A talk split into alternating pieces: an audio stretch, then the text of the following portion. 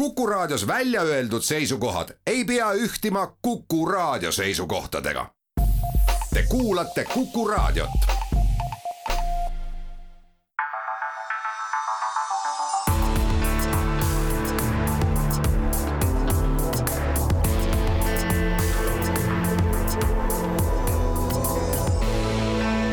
olukorrast ajakirjanduses tere pärastlõunat, Kuku raadio stuudios on kaheteistkümnes detsember. saade on olukorrast ajakirjanduses ja selles stuudios on tegelikult näitab kalender kaheksandat detsembrit neljapäeva ja stuudios on siis üks äh, viinavabriku kõrvalt vanamees Väino Koorberg ja, ja täna ei ole mitte teine vanamees viinavabriku kõrvalt ehk Rein Lang, vaid minu vastas istub Sakala, ajalehe Sakala peatoimetaja Hans Väre ja täna me oleme lubanud, me teeme külalissaate. tere, Hans! tervist! Lubasime, et räägime eh, kohalikust ajakirjandusest, maakonna ajakirjandusest, et eh, nii et ma võiks siis öelda, et praegu, kui kasutada Eesti Raadio ja ERR-i spordireporterite sõnu, et stuudios on maakonna ajakirjanduse creme brulee, eks? no ma väga tahaksin loota seda vähemalt jah. aga eks see on lugejate hinnata et minu esimene küsimus, äh, lubasin sulle seda küsimust, et alguses teemadest, teemasid kokku leppides, et me räägime rohkem Nõukogude estraadist ja räägime siis hetkel äh, maailma saja mõjukaima naise hulka nimetatud Alla Pugatšovast ja võib-olla võtame teemaks ka Laima Vaikule sõnavõtud äh, telejaama Tošt toetuseks aga nähes minu vestluskaaslase meeleheitel nägu. kuidas nägu ära vajus? otsustasime, et me räägime siis, et küsin esimese küsimuse, et kas Viljandi Veekeskus on juba valmis? Äh, ja see on äh, teema, äh, mis annab meile ilmselt siin kirjutamisainest veel aastakümneteks, sest et aastakümneteks ta juba on andnud. minu meelest kakskümmend aastat sai siin mõne aja eest täis. ei, Veekeskus ei ole valmis ja mina olen aru saanud sellest, et et kui äh, ta hakkab juba jõudma üsna lähedale, siis juhtub midagi maailmas kohutavat, kas tuleb äh, majanduskriis, nagu tuli äh, pärast Lehman Brothersi kokkukukkumist äh, esimesel korral toona olid juba äh, aiad ehitusplatsi ümber valmis või tuleb Covid, nagu tuli nüüd hiljuti ja siis lisaks võib tulla veel üks sõjast tulenev majanduskriis, nii et midagi juhtub kohutavat, mul, mul on tunne, et parem, kui me ei hakka seda Viljandisse ehitama. kakskümmend aastat on Sakala sellel teemal kirjutanud ja kasu ei kirbu essugi, et, et kas see siis ei näita kohaliku ajakirjanduse võimetust? Äh, võimetust veekeskusi luua kindlasti näitab, aga ma arvan, et see ei ole ka kohaliku ajakirjanduse ülesanne, aga kui sa küsid, et kas äh, kohalikul ajakirjandusel on mõju, siis ma ütleks, et äh, on küll ja, ja väga suur, et kui ähm, kasvõi kaks saadet tagasi te rääkisite siin Rein Langiga ise väga palju katuserahadest ja rääkisite ka ühest artiklist, nimetamata küll väljaannet, väljaanne oli Sakala kes kirjutas siis sellest, et, eh, et üks Riigikogu liige eh, andis katuseraha selle jaoks, et oma, oma ühe koduküla kõrvale teha, ühes, ühes kodukülas teha kogukonnakeskuse kõrvale seiklusparki ja teises kodukülas, kus tal on suvila, ehitada tänavavalgustust omaenda tänavale et siis äh, pärast seda Reformierakond äh, väga kiiresti äh, sekkus ja võttis selle ettepaneku riigieelarvest tagasi, nii et, et sai üks asi väga ilusasti joonde aetud. Ja eks neid väiksemaid asju, milles, milles ajakirjanduse mõju esile tuleb, on ikka kogu aeg. kriisidest me juba nagu rääkisime, et tegelikult ühele kriisile järgnes teine, et, et et eh, kuidas sul, kui sa nüüd vaatad hästi laia pilguga, et kuidas need kaks niisugust väga tõsist kriisiaastat ajakirjandust üldse muutnud on? sa mõtled nüüd äh, Covidi ma mõtlen Covidit kriisi ja ma mõtlen tegelikult ka sellele kohe järgnenud Ukraina sõjakriisi Äh, Ukra... natukene nagu vastandlikud, et Covid oli mm, -hmm. et mhm. kui ma mäletan, et alguses kardeti nii lehekandjat kui kardeti ka paberajalehte, et, et selle kaudu tulevad pisilased majja. et tegelikult sõja puhkemine nagu tekitas jälle plahvatuslikku huvi uudiste vastu no tegelikult on nad äh, mõneti olnud erinevad, et äh, kui koroona puhul oli äh, esiteks täiesti plahvatuslik uudiste tarbimise kasv toimus kogu maailmas ja vajadus info järele, eriti usaldusväärse info järele oli väga suur.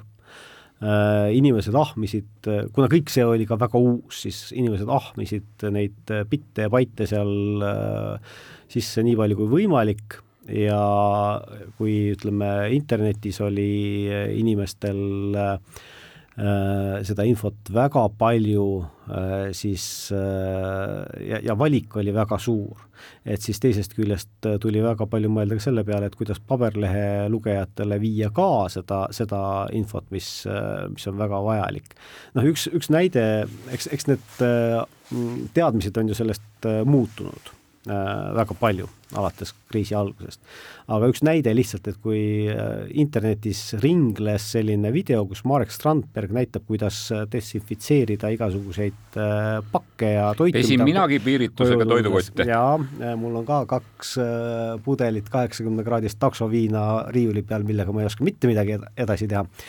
aga et, et siis me mõtlesime ka, et, et aga kuidas nagu noh, sellel oli sadu tuhandeid vaatamisi, sellel videol. et kuidas me siis viime seda teadmist ka paberlehe lugejateni ja me tegime sellest koomiksi. Äh, esimene kord minu äh, kogemuses, kui me oleme pannud video paberlehte.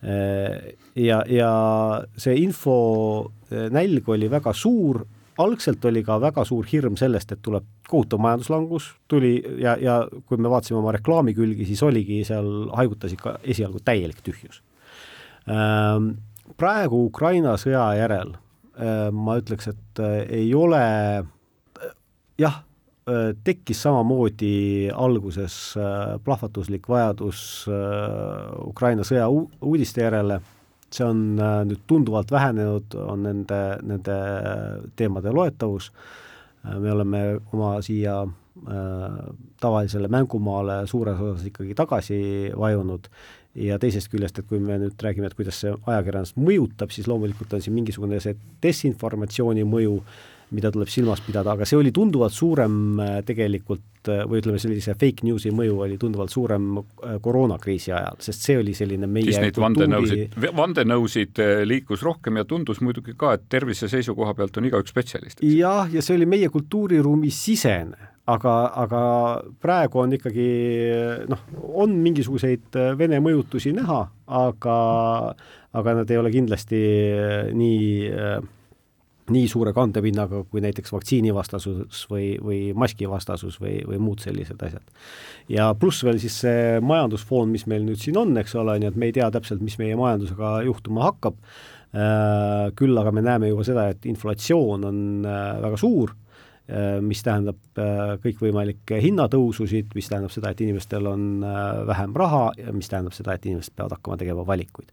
kuidas täpselt see mõjutab nüüd ajakirjanduse toimetulekut, ma arvan, et seda on meil veel vara öelda, sest et ka koroona puhul tegelikult me eeldasime nagu, et tuleb üks suurem auk, mida tegelikult ei tulnud. sa oled nüüd tosinkond aastat olnud seal Sakala eesotsas kas endal oled nüüd nagu selgeks teinud, et miks praegusel internetiajastul üldse kohalikku ajalehte tarvis on mm,? vaat see, sinu küsimuses on juba see, see äh, vastuolu sees, et ega kohalik ajaleht ei pea olema siis paberil. et äh, kohalik ajaleht võib olla ka kohalik veebileht. okei okay,, mis vahe on sellisel juhul, mis vahe on Sakalal ja Postimehe Viljandi korrespondendipunktil? no siin on juba teine küsimus Postimehel ei ole Viljandimaal korrespondendi. aga ütleme, et kui tal oleks, millest viljandlased ilma jääksid? ma ei oska seda isegi öelda, millest nad ilma jääksid, aga noh, vahe oleks see, et kui on korrespondendipunkt, siis antakse kuskilt äh, Tallinnast ütleme siis käsud kätte ja, ja mingil määral muidugi eks iga ajakirjanik tegeleb oma selle teema, teemade leidmisega, aga aga kui on äh, üks korralik ajaleht, üks korralik väljaanne, üks korralik toimetus, siis seal kehtivad ka omad, äh, omad põhimõtted, omad väärtused, äh, omad reeglid, oma ajalooline mälu ja oma toimetuslik valik, et need on need asjad, mis, mis ühe väljaande teevad ja, ja need on, on ka kõigil maakonnalehtedel olemas Neid võiks siis nimetada kohaliku väljaande tugevusteks. Teeme niisugust klassikalist SWOT-analüüsi. ja ma arvan, et neid võiks nimetada iga väljendi tu-. aga kui me nüüd peaksime vaatama siis nõrkusi, et mille poolest nagu praegused kohalikud lehed võiksid, on nagu, jäävad suurtele lehtedele alla ma ei tea, kas me jääme alla, noh, mis, milles me alla jääme. no ja minul on hea lihtne, eks ju, käia selliseid mustvalgeid la, laia labidaga konstruktsioone lihtsalt..., sinul on keeruline vastata, aga ei ole keeruline vastata, see lihtsalt võtab palju aega noh, alla jääme kindlasti mingil määral ju lugejaskonnas, äh, lugejaskonna suuruses, ehkki olles äh, samal platvormil teiste Postimeesgrupi väljaannetega, siis meil tegelikult äh, on praegu palju suuremad võimalused jõuda lugejateni kui kunagi varem. Ja noh, et kui meil näiteks eelmisel nädalal oli lugejaid üle, unikaalseid kasutajaid oli üle kolmesaja tuhande inimese, siis see on eestikeelsetest elanikest juba kolmandik, äh, mis on äh, ikkagi üks, ühe iga väljaande jaoks ma ütleks, et väga suur, äh, väga suur auditoorium. meie teeme siinkohal väikese pausi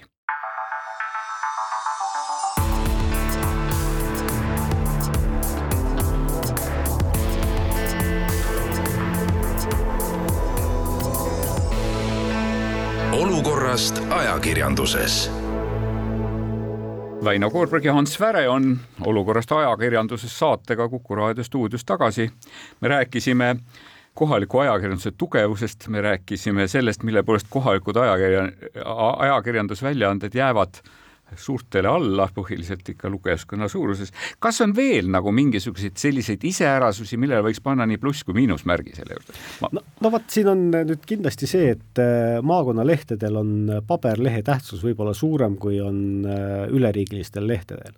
et kui näiteks Äripäev sai endale lubada sellist otsust, et nad äh, panevad paberlehe üleüldse kinni, sellepärast et nende auditoorium põhimõtteliselt seda ei vaja siis äh, meie puhul tähendaks see ikkagi seda, et, et äh, kuigi jah, nagu ma enne äh, reklaamipausi ütlesin, et, et, et kui meil on kolmsada tuhat lugejat netis nädala jooksul, siis meie paberlehe tiraažile või noh, paberlehe tiraaž on selle kõrval täiesti noh, ma ei saa öelda tühine, aga, aga palju-palju väiksem, eks ole, kordades väiksem siis ikkagi see paberlehe lugejate osa on väga suur, nad on väga lojaalsed lugejad ja väga sageli on nad, nad on selline... lojaalsed ja nad on ka pühendunud, nad on ka lugemisele pühendunud. ja just nimelt, et, et see tähendab ikka seda, et, et leht loetakse ka läbi ja nagu üks äh, lugeja mulle hiljuti äh, ütles, et, et loetakse vahel ka kaks korda läbi.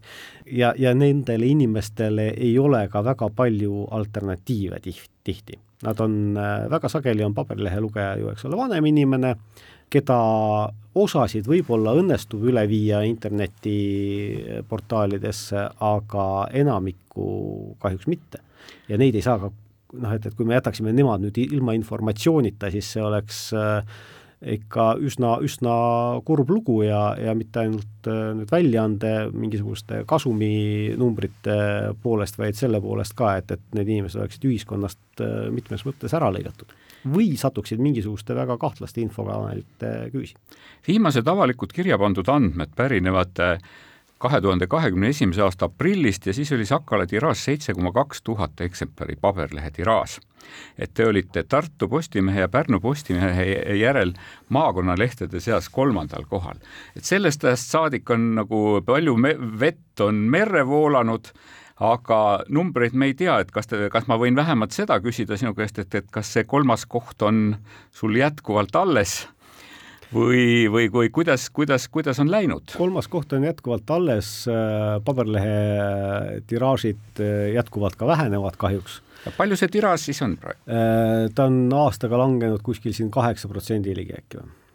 et nii et päris palju samas meil äh, just nimelt, et, et see ei ole, ei tähendagi siis nii-öelda seda lugejaskonna üldist vähenemist, vaid äh, ikkagi ülekandumist äh, ühest meediumist teise mm. -hmm.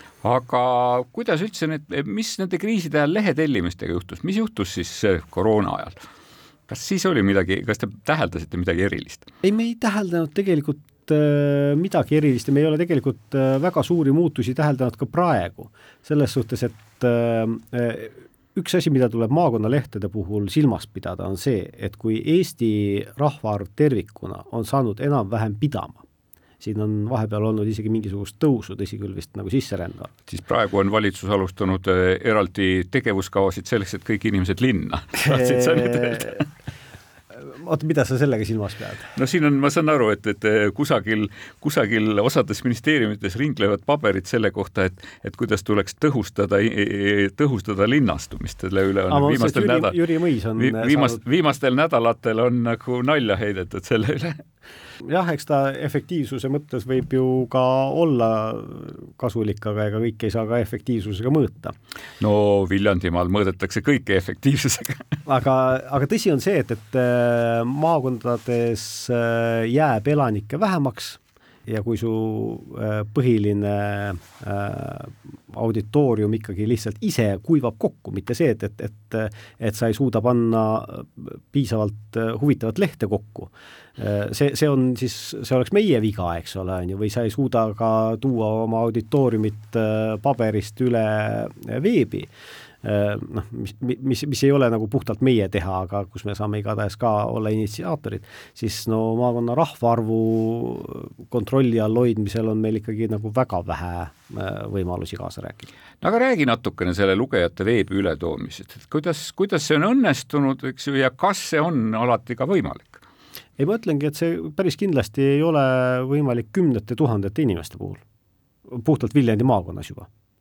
On äh, võimalik äh, nooremate puhul ja ma arvan, et nooremad üha rohkem ka näevad seda, et, et kui nad on äh, ka paberlehe tellijad, et siis siis veebis tegelikult nad saavad selle info kätte tunduvalt kiiremini, nad saavad kätte tunduvalt rohkem, noh, nagu ma ütlesin, et, et ühe korra elus on õnnestunud panna video paberlehte, aga enamasti jäävad nad ikkagi digiväljaandesse. Äh, see ületoomine on selles suhtes, äh, kui, kui paberlehega oli väga lihtne, oli üks meedium, äh, mis jõudis inimesele postkasti ja tal oli see käes ja oligi kõik, siis seda digimeed-, digiauditooriumit tuleb kokku korjata väikeste tükkidena, uudiskirjadega, Äh, äppide läbi, sotsiaalmeedia erinevatel platvormidel, äh, läbi Postimehe äh, esilehe, läbi enda esilehe ja siis lõpuks, lõpuks sul ongi heal juhul seal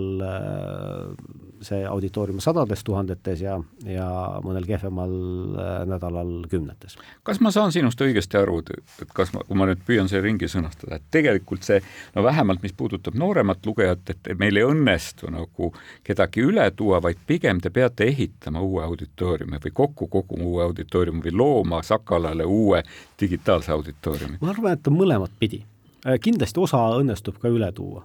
Ikkagi äh, need, kes ütleme, kasutavad nutitelefoni igapäevaselt, siis nende jaoks tegelikult on küsimus ju selles, et, et kas tal on see tellimus taskus või ei ole äh, aga tal, tema tehniline vahend on olemas. aga kui inimene ei kasuta arvutit üldse ja ei kasuta ka internetti üldse, ka telefonis mitte, et, et siis, siis vaat siin me jääme juba nüüd küll hätta ja, ja, ja see ei ole mitte ainult ka siin äh, Sakala või, või ajakirjanduse puhul, aga aga need inimesed äh, ju ei kasuta ka näiteks ID-kaarti erinevate riigiteenuste tarbimiseks ja, ja internetipanka. Nende käest on ka raha väga keeruline kätte saada.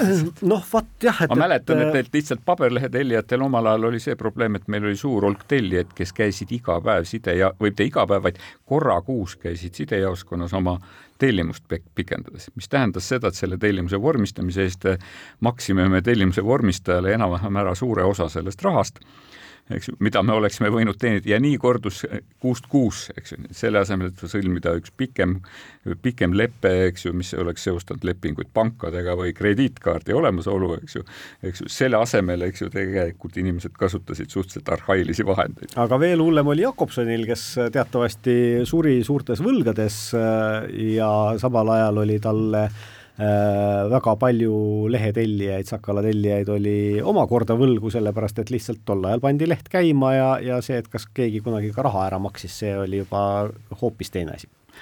kauaks seda paberlehte sinu arvamise järgi nüüd jät-, jätkuda võiks, eks ju, et ma mäletan, et aasta oli vist kas kaks tuhat kümme või kaks tuhat üksteist, kui Mart Kadastik toonane Postimehe vastuvõttav väljaandja esines Akadeemilises Ajakirjandusseltsis ja tema ütles, et see, et kauaks paberlehti jätkub, et see ei sõltu tavaliselt toimetustest, et see sõltub nendest meestest, kes, kes toodavad trükikodadele, trükimasinatele varuosi et ühtegi trükikoda enam, nagu juba see oli kümme-kaksteist aastat tagasi, et Euroopas naljalt ajalehe trükikoda keegi püsti ei pane, aga nüüd, et senikaua, kui need masinad veel töös suudetakse hoida, senikaua jätkub paberaeg, kas asi on nii hull? No ma ei ole trükimajandusega niivõrd kursis, aga ma saan aru, et, et tegelikult meie trükikojad ikkagi siin töötavad veel päris kenasti. küll aga on igasuguseid muid selliseid äh, kõrvalisi mõjutajaid, et noh, et näiteks nagu paberi hind, eks ole, et kui paberi hind, mis on aastaga kasvanud kaks korda, see tähendab ka seda, et, et siis selle ajalehe trü-, äh, noh, oma hind, eks ole, kui me jätame kõrvale ajakirjandusliku töö ja transpordi ja logistika ja kõige selle, et see paber maksab kaks korda rohkem. Mis, mis nüüd äh, paberihinnad ka siin teevad edasi seoses energiakriisiga, noh, see on omakorda küsimus, eks no ole. täna päeval, millal me salvestame ja rõhutame kuulajale, et me salvestame selle saate neljapäeval, kaheksandal detsembril, tuli just uudis Eesti Postilt, et kojukanne, ajalehtede kojukanne uuel aastal äh, kallineb ja kallineb ligi veerandi võrra, et, et seal no on lubatud, seal on lubatud praegu hinnatõusu vähemalt kakskümmend kaks protsenti ja seda siis sellel eeldusel, et kui kui ajalehtede tiraažid ei vähene või see kojukande maht ei lange, et kui see peaks vähenema, et siis see, siis ennustatakse isegi hinnatõusu juba kuni kolmkümmend protsenti. et ma saan aru, et see võttis vist ikkagi põlve nõrgaks päris mitmes ajakirjandusväljaandes täna no see on äh, üks, üks osa sellest äh, valemist, millega me peame toime tulema, jah, et äh, meil ei ole ma mõnes mõttes ma saan ju ka sellest aru, et, et ka postifirmal kulud kasvavad, aga, aga kas me peame siis selle kõik kandma nende vaeste maal elavate inimeste arvele, kes äh, tahavad ka infot saada? aga siinkohal teeme väikese pausi, siis jätkame selle teemaga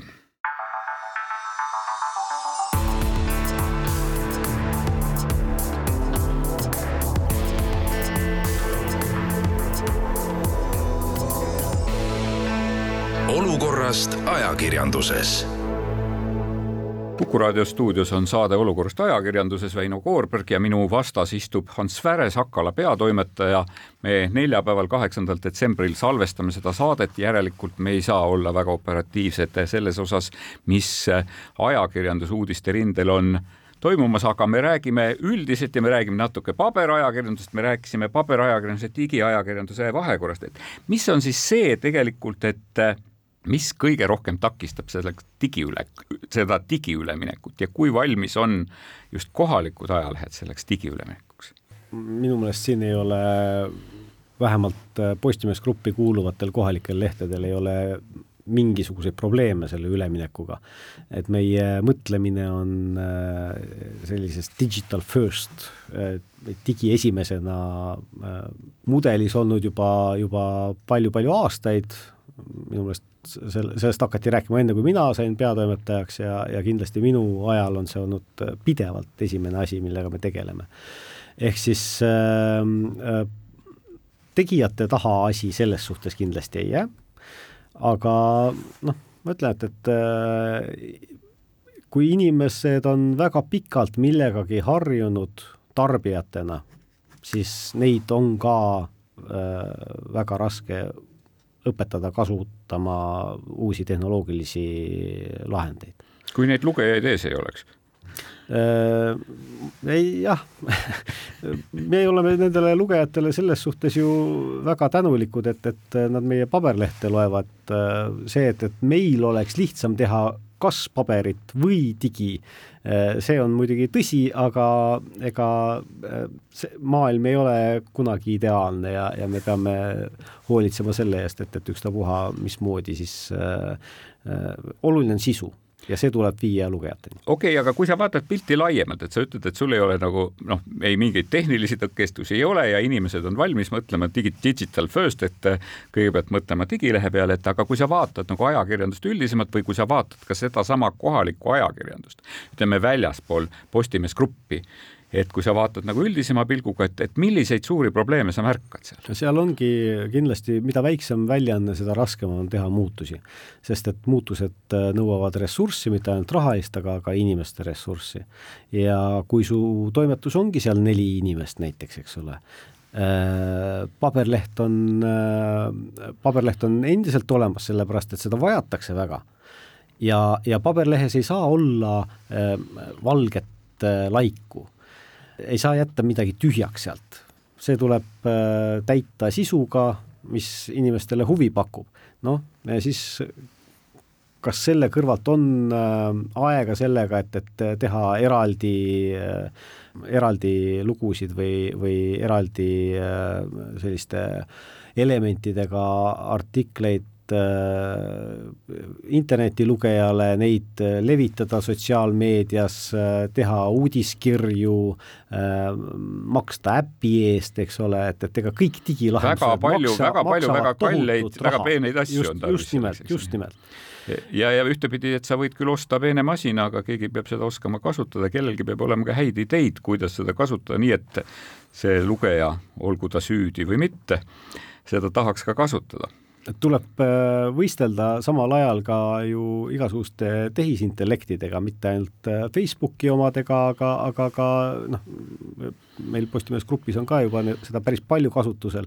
jah, me oleme siin viimastel nädalatel vist arvatavasti kõik katsetanud küll neid kõne kirjutamise roboteid ja artiklite kirjutamise roboteid kirjuta, ja tunneme. kirjutamisega me veel nende poole ei ole pöördunud, seda teevad ikka inimesed, aga, aga seda, et millist valikut nüüd kellelegi näidatakse ja, ja kuidas see võiks olla võimalikult huvitav. nojah, et ma arvan, et mõnel tuleval aastal me võib-olla võime rääkida ka kirjutamise poole pealt, tunnen mitut inimest, kes tegelevad väga aktiivselt selle teemaga, aga aga ma nüüd mõtlen, et ühtepidi on jah, et see, et kui meil on neljaliikmeline toimetus, aga tuleme siis tagasi ideaalsesse Sakala toimetusse, et kas sellega seoses, et ühtepidi, et sa, et sinu leht, sinu lugejad, sinu sisu on suures digitaalses potis Postimehe suures digitaalses potis, et kas, kuidas sina hoiad oma toimetuse fookust seal siis, et, et sa tead, et siin on minu lugejad, et ma olen eh, kohalik leht, eks ju, kellel on teatavad kogukondlikud ülesanded, eks ju, kes peab olema siin äärmiselt kohalik, oma talitsetud ja kui nagu teiselt poolt, kui me selle viskame internetti, et siis see kohalikkus, et kuidas sa seda kohalikkust säilitad? No üks asi on see, et, et äh, igal lehel on ka oma stiil ja, ja kindlasti me ei saa oma stiilis teha nüüd selliseid suuri muudatusi, et me ühe loo kirjutame kuidagi nagu Postimehe kaudu levitamiseks. aga äh, esiteks on see, et äh, paljud kohalikud asjad äh, on võimalik äh, lokaliseerida üle-eestilisi teemasid ja samamoodi lokaalsed teemad tegelikult näitavad mingisuguseid üle-eestilisi trende. ühe näite selle kohta me saate alguses ka tõime tõepoolest katuserahadega seoses. ja teisest küljest on jällegi selliseid lugusid, mille puhul ei ole absoluutselt mingisugust vahet, kus kohas see toimub et näiteks äh, kolleegid Järva Teatajas äh, saavad päris kenasti liiklust äh, selle tõttu, et, et Järvamaalt läheb läbi Tallinn-Tartu maantee, kus kahjuks juhtub väga palju õnnetusi ja kuna see on nende piirkonnas, siis nad kajastavad neid asju. Need õnnetused puudutavad samas väga paljusid Äh, inimesi üle kogu Eesti, sellepärast et väga paljud on sealt läbi sõitnud ja, ja väga paljud äh, samastuvad nende liiklusoludega ja, ja äh, ja inimlikult tunnevad lihtsalt kaasa nendele inimestele, kes on kannatada saanud. nii et tegelikult ega see, see lokaalsus nüüd äh, nii oluline selles suhtes äh, võib-olla ka tänapäeval ei ole, et internet on avardanud neid piire mõlemas suunas ja ühtlasi jällegi, eks ole, et, et meil on võimalik töötada äh, Äh, sõltumata niivõrd oma, oma äh, asukohast, kuigi ma ütleks, et kohalikku ajalehte ikkagi saab teha koha pealt, et seda ei ma just, ma just tahtsin seda öelda, et sõltumata asukohast, kohast, et et kas ei kao ära see, ütleme, see Viljandi tunnetus või, või, või, või Mulgi tunnetus või, või isegi see võib, mulle tundus, et see võis hakata kaduma isegi siis, kui meil oli koroona ja me kõik igaüks töötasime oma, oma kodudes arvutite taga ja, ja ühendusime maailmaga interneti teel ainult aga me ju elame ikkagi Viljandimaal ja me näeme neid asju läbi Viljandimaa prisma, et mis nagu äh, on keerulisem äh,, võib-olla on see, et, et äh,, et kuidas meelitada enda juurde häid töötajaid ja heade töötajate mure minu meelest on on mitte ainult Eesti ajakirjanduses, vaid tegelikult kogu Eestis kõige põletavam. ehk siis kui on Äh, puudu arstidest, õpetajatest, äh, ehitajatest ja, ja loomatalitajatest, et noh, et miks me arvame siis, et ajakirjanikest ei ole puudu, on küll. nüüd tuleb töökuulutuse rubriik, et ma võiksin Sakalasse võtta praegu tööle kolm inimest, palun kandideerige, eks ole, on ju mitte äh, üksnes sina seal, isegi ERR, ERR-i Terevisioon otsib praegu hommikutoimetajat. no eks neid on kindlasti teisigi jah, aga et, et kindlasti ei sobi kõigile inimestele see, et et elada väikelinnas või üleüldse maal noh, elu näitabki seda, et, et rohkematele inimestele sobib elada suures linnas ja see seab teatud piirid. paari sõnaga pean ka konkurentsiolukorda tegelikult äh, kuidagi markeerima, et ühtepidi ma saan aru, et just maakonna ajakirjandus kõige teravam konkurents sellel aastal likvideerus ära Saaremaa peal, eks ju, kui ajaleht Meie Maa pani oma uksed kinni ja jäi järele kahest võitle, võitlevast, võistlevast kohalikust lehest jäi üks, Saarte Hääl siis, eks ju niimoodi. et tegelikult ütleme, see konkurentsi kirves pea kohal riputati möödunud aasta kevadel kohalikele lehtedele väga tõsiselt, kui Äripäev Äh, teatas, et plaanib asutada maakondades need kohalikud veebiväljaanded just, et tegelikult, et luua väikesed punktid, väikesed kohalikud ja just veebile, äh, uuele lugejale keskendunud ajakirjanduslikud üksused et eh, sina, kes sa seda ka tegelikult jälgisid ja kommenteerisid küllaltki skeptiliselt, küllaltki samasuguste argumentidega, nagu täna juba saates on kõlanud, et eh, kui sa nüüd vaatad poolteist aastat hiljem, mis sellest saanud on, et kas sa siis itsitad kahju rõõmsalt praegu hetkel või said ka ise mõne õppetunni sellest? Äh, ma ei itsita kindlasti kahju rõõmsalt, aga põhimõtteliselt see, mida ma, äh, mulle tundus, et, et kuidas see asi minema hakkab, äh, niimoodi ta on ka läinud, et, et Äripäev ei ole neid projekte mujale laiendanud peale Lääne-Virumaa. Ähm, seal on Lääne-Viru uudised endiselt tegutseb aga noh, kui küsimus oli selles, et, et, et nagu ei pakutaks maakondades lugejatele kvaliteetset digisisu ja see oleks äh, selline tühi nišš, kuhu äh, Äripäev kavatses tulla, siis see nišš ei olnud tühi. tegelikult äh, ikkagi enamik äh, väljaandeid äh, seda, seda digisisu seal väga edukalt teeb. Ja noh, kui sa teed äh, ütleme, sellise nelja inimesega toimetuse äh, sinna Virumaa Teataja vähemalt kaks korda suurema toimetuse kõrvale, et siis sa peaksid tegema midagi samasse hoopi, majja vist isegi. isegi samasse majja jah, et, et siis sa peaksid tegema midagi hoopis teistmoodi, et, et olla edukam ja seda ma ei ole Lääne-Virumaa uudiste puhul näinud. meie teeme siinkohal väikese pausi, siis jätkame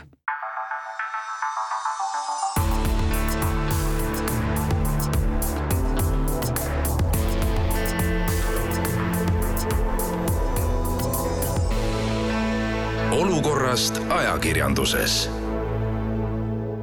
olukorrast ajakirjandus, kaksteist detsember on Kuku raadio stuudios, meil siin salvestuse juures on väljas kaheksas detsember, salvestame seda saadet ette, Väino Koorberg on stuudios, minu vastas on Sakala peatoimetaja Hans Väre ja me räägime kohalikust ajakirjandusest ja konkurentsist selles ajakirjandusturus, turul. et elada on läinud lihtsamaks, tahaksin öelda, et kas munitsipaalajakirjandus millest tegelikult möödunud aastal hästi teravalt ja hästi palju räägiti ja, ja kutsuti üles seadusemuudatustele. kas see teema on nüüd kuidagi nagu maas või on, või on see ajakirjandus tagasi tõmmanud või on tulnud uued ja, ja põletavamad mured? ma arvan, et pigem on tulnud uued ja põletavamad mured, aga see mure on alati olnud põletav äh, väga regiooniti, ehk siis äh, Sakala ei ole sellega tegelikult kunagi kokku puutunud ja see ongi kuidagi nagu äh, sõltuvalt omavalitsusest ja sõltuvalt isegi maakonnast.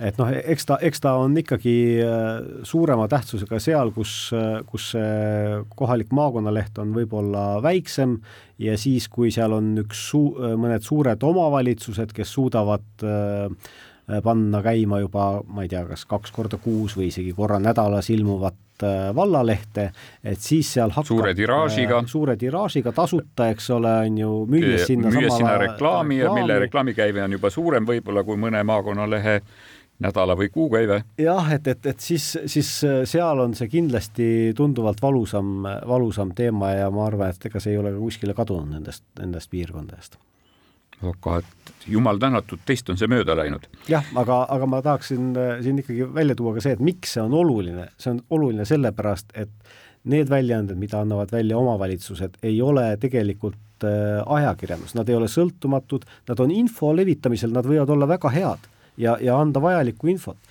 Äh, Neilt ei saa kunagi eeldada seda, et nad täidavad ühiskonna valvekoera rolli ja hakkavad sedasama omavalitsust kriitilise pilguga vaatama, kes neid välja annab viska nüüd maha korraks Sakala peatoimetaja kübar, eks ju, pane meediatarbija kübar pähe, eks ju, ja ütle, et kuivõrd, kuivõrd hästi Eesti just kohalik ajakirjandus, ma pean silmas maakonna ajakirjandust, täidab seda valvekoera rolli. et ma ei taha just nagu Sakalat, me, kuna me oleme rääkinud konkreetsest katuseraha näitest, eks ju, millega on hea nagu minu väited, aga lihtsalt, et, et kas, kuidas selle valvekoera seis tundub olevat ma arvan, et selle valvekoera seis äh, sõltubki väga palju sellest äh, väljaandest ka ikkagi. Äh, noh, jällegi tuleme tagasi, et need põhjused võivad olla ajaloolised. et kui Sakala ongi noh, ajaleht, kelle nimi on olnud viiesaja kroonise peal teatud põhjustega ja, ja mille väljaandja on äh,, asutaja on, eks ole, legendaarne Eesti riigimees noh, mitte riiki tol ajal ei olnud, aga ärkamise aja tegelane. et äh, ja on, on selline pikk ajalugu ja, ja äh, suur maakond tegelikult ka taga. et kui see väljaanne tegutseb kuskil väikses maakonnas, kus on vähe lugejaid, kust tuleb vähe raha, mis tähendab väikest toimetust, siis noh, paratamatult ei jõuagi kõigi asjadega tegeleda piisavalt äh, ja, ja eks jõudumööda püütakse oma, oma seda valvekoera rolli ka seal täita, aga võib-olla see noh, jääbki nende nii inimeste puuduse taha kui, kui ka ajapuuduse taha ma olen siin kirja pannud päris mitu märksõna, mida ma olen kogunud erinevatelt inimestelt, kellega ma olen rääkinud just kohaliku ajakirjanduse teemal. märksõna, mis ütleb kolklus, nokime oma nina, kirjutame oma pitsi kudujatest teine märksõna on argus, kõik on ju sõbrad, tahaks olla korraga eestkõneleja ja kogukonna juht. Kolmas on püüd konkureerida suurte lehtedega. Ehk et teinekord kohalikkuse puudumine kohalikus ajalehes, välisuudised ja Aga... toiduretseptid ja neljas on püüd kaasa rääkida poliitikas, et kuidas sa kommenteeriksid neid nelja? No ühest küljest poliitikas kaasarääkimine äh, sellise äh, sõltumatu vaatlejana ongi ju ka aja, ajalehe kohus. ilmselt seda ei peetud silmas, aga. jah, et, et äh, ma ei tea, mida täpselt silmas peeti. küll aga on tõsi see, et, et noh, et eks ikka kõiki ajakirjandusväljaandeid konkurendid kritiseerivad, et, et, et nad eelistavad konkurente ja, ja neile kuidagi pannakse kogu aeg ära.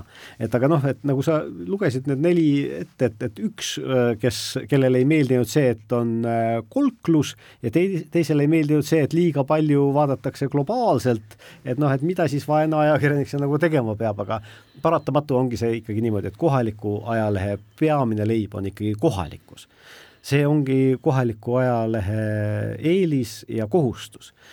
Selle jaoks, et tegeleda üle-eestiliste teemadega, ongi üle-eestilised äh, väljaanded ja, ja äh, samas ei tähenda see seda, et me aeg-ajalt ei peaks tooma sisse neid teemasid, äh, noh, kas või näiteks kliimakriisi ja rääkima sellest oma lugejatele ka või, või julgeolekuolukord või, või sõda Ukrainas. küsimus on selles tasakaalus ja ega me saame ju anda ka nendele teemadele alati mingisuguse kohaliku vaate, et, et kui näiteks Ukraina olukorrast äh, kirjutada, siis, siis äh, kirjutada sellest läbi, läbi Viljandimaaga seotud inimese silmade. Äh, siin umbes kümmekond päeva tagasi lugesin Virumaa Teatajast intervjuud ühe Riigikogu liikmega, kes on, kes on tuntud nagu eriti korruptsioonivaba ja, ja eriti eetilise Riigikogu liikmena, eks ju, pärast korruptsioonikomisjoni otsuseid ja tema on öelnud, et meedia on kaldu. et kui kaldu on Eesti meedia sinu arvates? ma arvan, et Eesti meedia on täiesti, seisab sirge seljaga üldiselt eks need, keda, kelle, kelle turi kriitikat tunda saab, siis need äh, teinekord äh, tunnevadki, et see on ebaõiglane ja, ja seisukoht sõltub ikkagi ka äh, istekohast aga eh, ega need eh, noh, ma julgeks öelda, et, et tihti on ka need äh, nördimuspahvatused, et, et meie vastu ollakse ebaõiglane, sellised kuidas siis öelda, et, et noh, et, et valada natukene õli tulle ja kohustuslikud asjad, mida välja öelda ja samal ajal saadakse tegelikult ka väga hästi aru, et, et, et mille eest nüüd nahutatakse. Aga kui vaba on Eesti meedia või Eesti ajakirjandus, ütleksin? minul ei ole küll ühtegi piirangut äh, kuskilt seatud peale ajakirjanduseetika koodeksi äh, Eesti Vabariigi seaduste, eetika ja moraalinormide ja noh, selles suhtes, et, et ka eelarve, et, et kõike lihtsalt ei jõua teha, eks ole. no üha rohkem on muidugi räägitud ka ajakirjanike nagu enesepiirangutest tegelikult väga sageli selleks, et, et mitte sattuda jamadesse, et mitte sattuda kohtu alla, et mitte nagu tõmmata endale tuliseid süsi pea kohale, et kas see, see, et ajakirjanikke antakse kui füüsilisi isikuid kohtu alla see on kindlasti väga ebameeldiv äh, suundumus ja väga ebaõiglane nende ajakirjanike suhtes, sellepärast et olgem ausad, ega väga tihti ajakirjanik ju üksinda ei langeta seda otsust, et kui ikkagi äh, peatoimetaja annab mingisuguse töökorralduse, et, et siis, siis see, see, selle loo tegemine ei ole puhtalt ainult nüüd ajakirjaniku valik, rääkimata sellest, et seda lugu hiljem toimetatakse, eks ole, on ju, et seal on väga palju inimesi, kes on sellega seotud aga ma arvan, et, et need ajakirjanikud, kes tegelevad konfliktsete teemadega, ei lase ennast sellest siiski, vähemalt mitte praegu veel häirida. kui see muutub väga valdavaks ja kui näiteks ajakirjandusväljaanded ei toeta enam oma töötajaid, seni on olnud ju ikkagi niimoodi, et, et kui määratakse ajakirjanikule ka mingisugune trahv, siis maksab selle ära väljaande ehk siis äh, senikaua, kuni on väljaannete tugi olemas, ma usun, et need ajakirjanikud on niivõrd suure missiooniga ja niivõrd äh, püstise peaga, et, et nad ei lase ennast sellest äh, häirida. nii et parafraseerides lauset rikkad kodanikud, rikkad, rikas riik, eks öelda siis tugevad meedial ja need sõltumatu, sõltu, sõltumatud ajakirjanikud, kas mul on õigus? jah, ja eks äh, iga väljaande sõltumatus ikkagi tuleneb lõpuks ka sellest, et, et et et äh, majanduslikult, äh, mida sõltumatum on äh, väljaanne majanduslikult, seda tugevam on ka ta oma sisulises mõttes nagu alati oleme me jõudnud viimase, viimase rubriigi asjad, millest me ei jõudnud rääkida, tegelikult me ei jõudnud arutada ei Postimehe digitellimuste arvu ega ka Postimehe päris tellimuste arvu, et ma umbes ette kujutan, kui suur see number on. me ei jõudnud rääkida sellest, mis sai telekanalist Dost pärast seda, kui, pärast seda, kui meie viimane saade eetris käis ja kuidas ta jäi ilma ringhäälingu loast Lätis ja ühes sellega edastamisõigustes Balti riikides. mul on lihtsalt küsimus selle kohta, et kas ka ERR tuleks keelustada, sellepärast et ERR on nimetanud äh, terroristi sõjakurjategijat Igor Kirkinit oma äh, loomingus äh, kuidas öeldakse, tuntud rahvuslaseks ja blogijaks ja Blogijaks, terves loos on teda püütud teha, temast teha Putini opositsionääri. meie saadame muusikalise tervituse ajakirja Time aasta inimeseks valitud Volodõmõr Zelenski ja Ukraina vaimu läbi kõikidele meie lugejatele laul tulebki Volodõmõr Zelenskilt ja kvartal üheksakümne viieselt. pea vastu mu kodumaa. kohtumiseni järgmisel nädalal. Slava Ukraini. Ukraina, держись.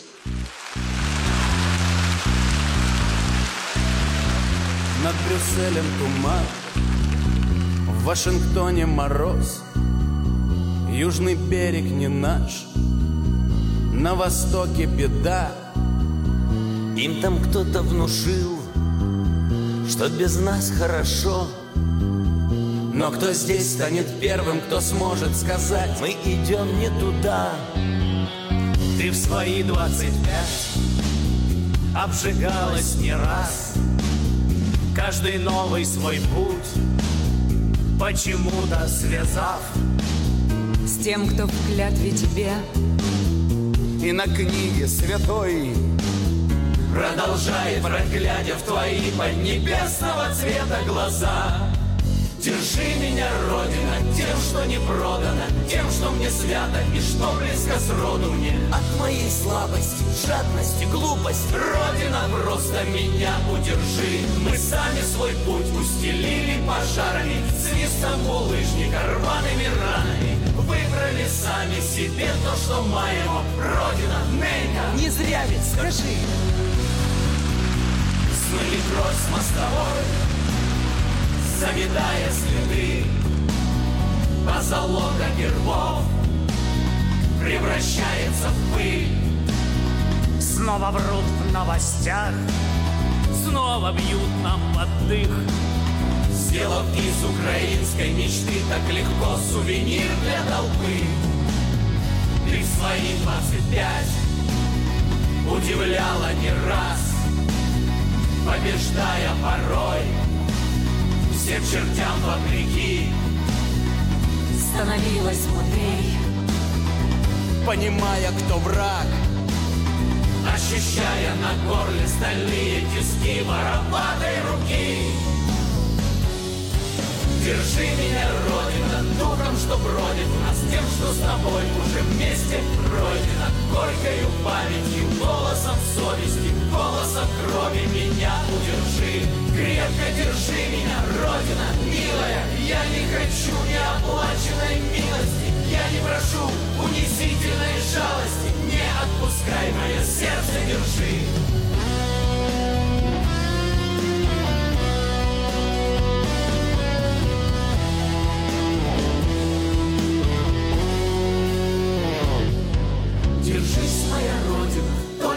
пожалуйста Я не боюсь, не заюсь и не жалуюсь. Я заслоню тебя сердцем отчаянным Падая и поднимаясь, любя.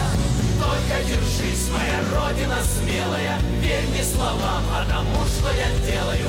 Будет свободным твое поколение Только свободною зная тебя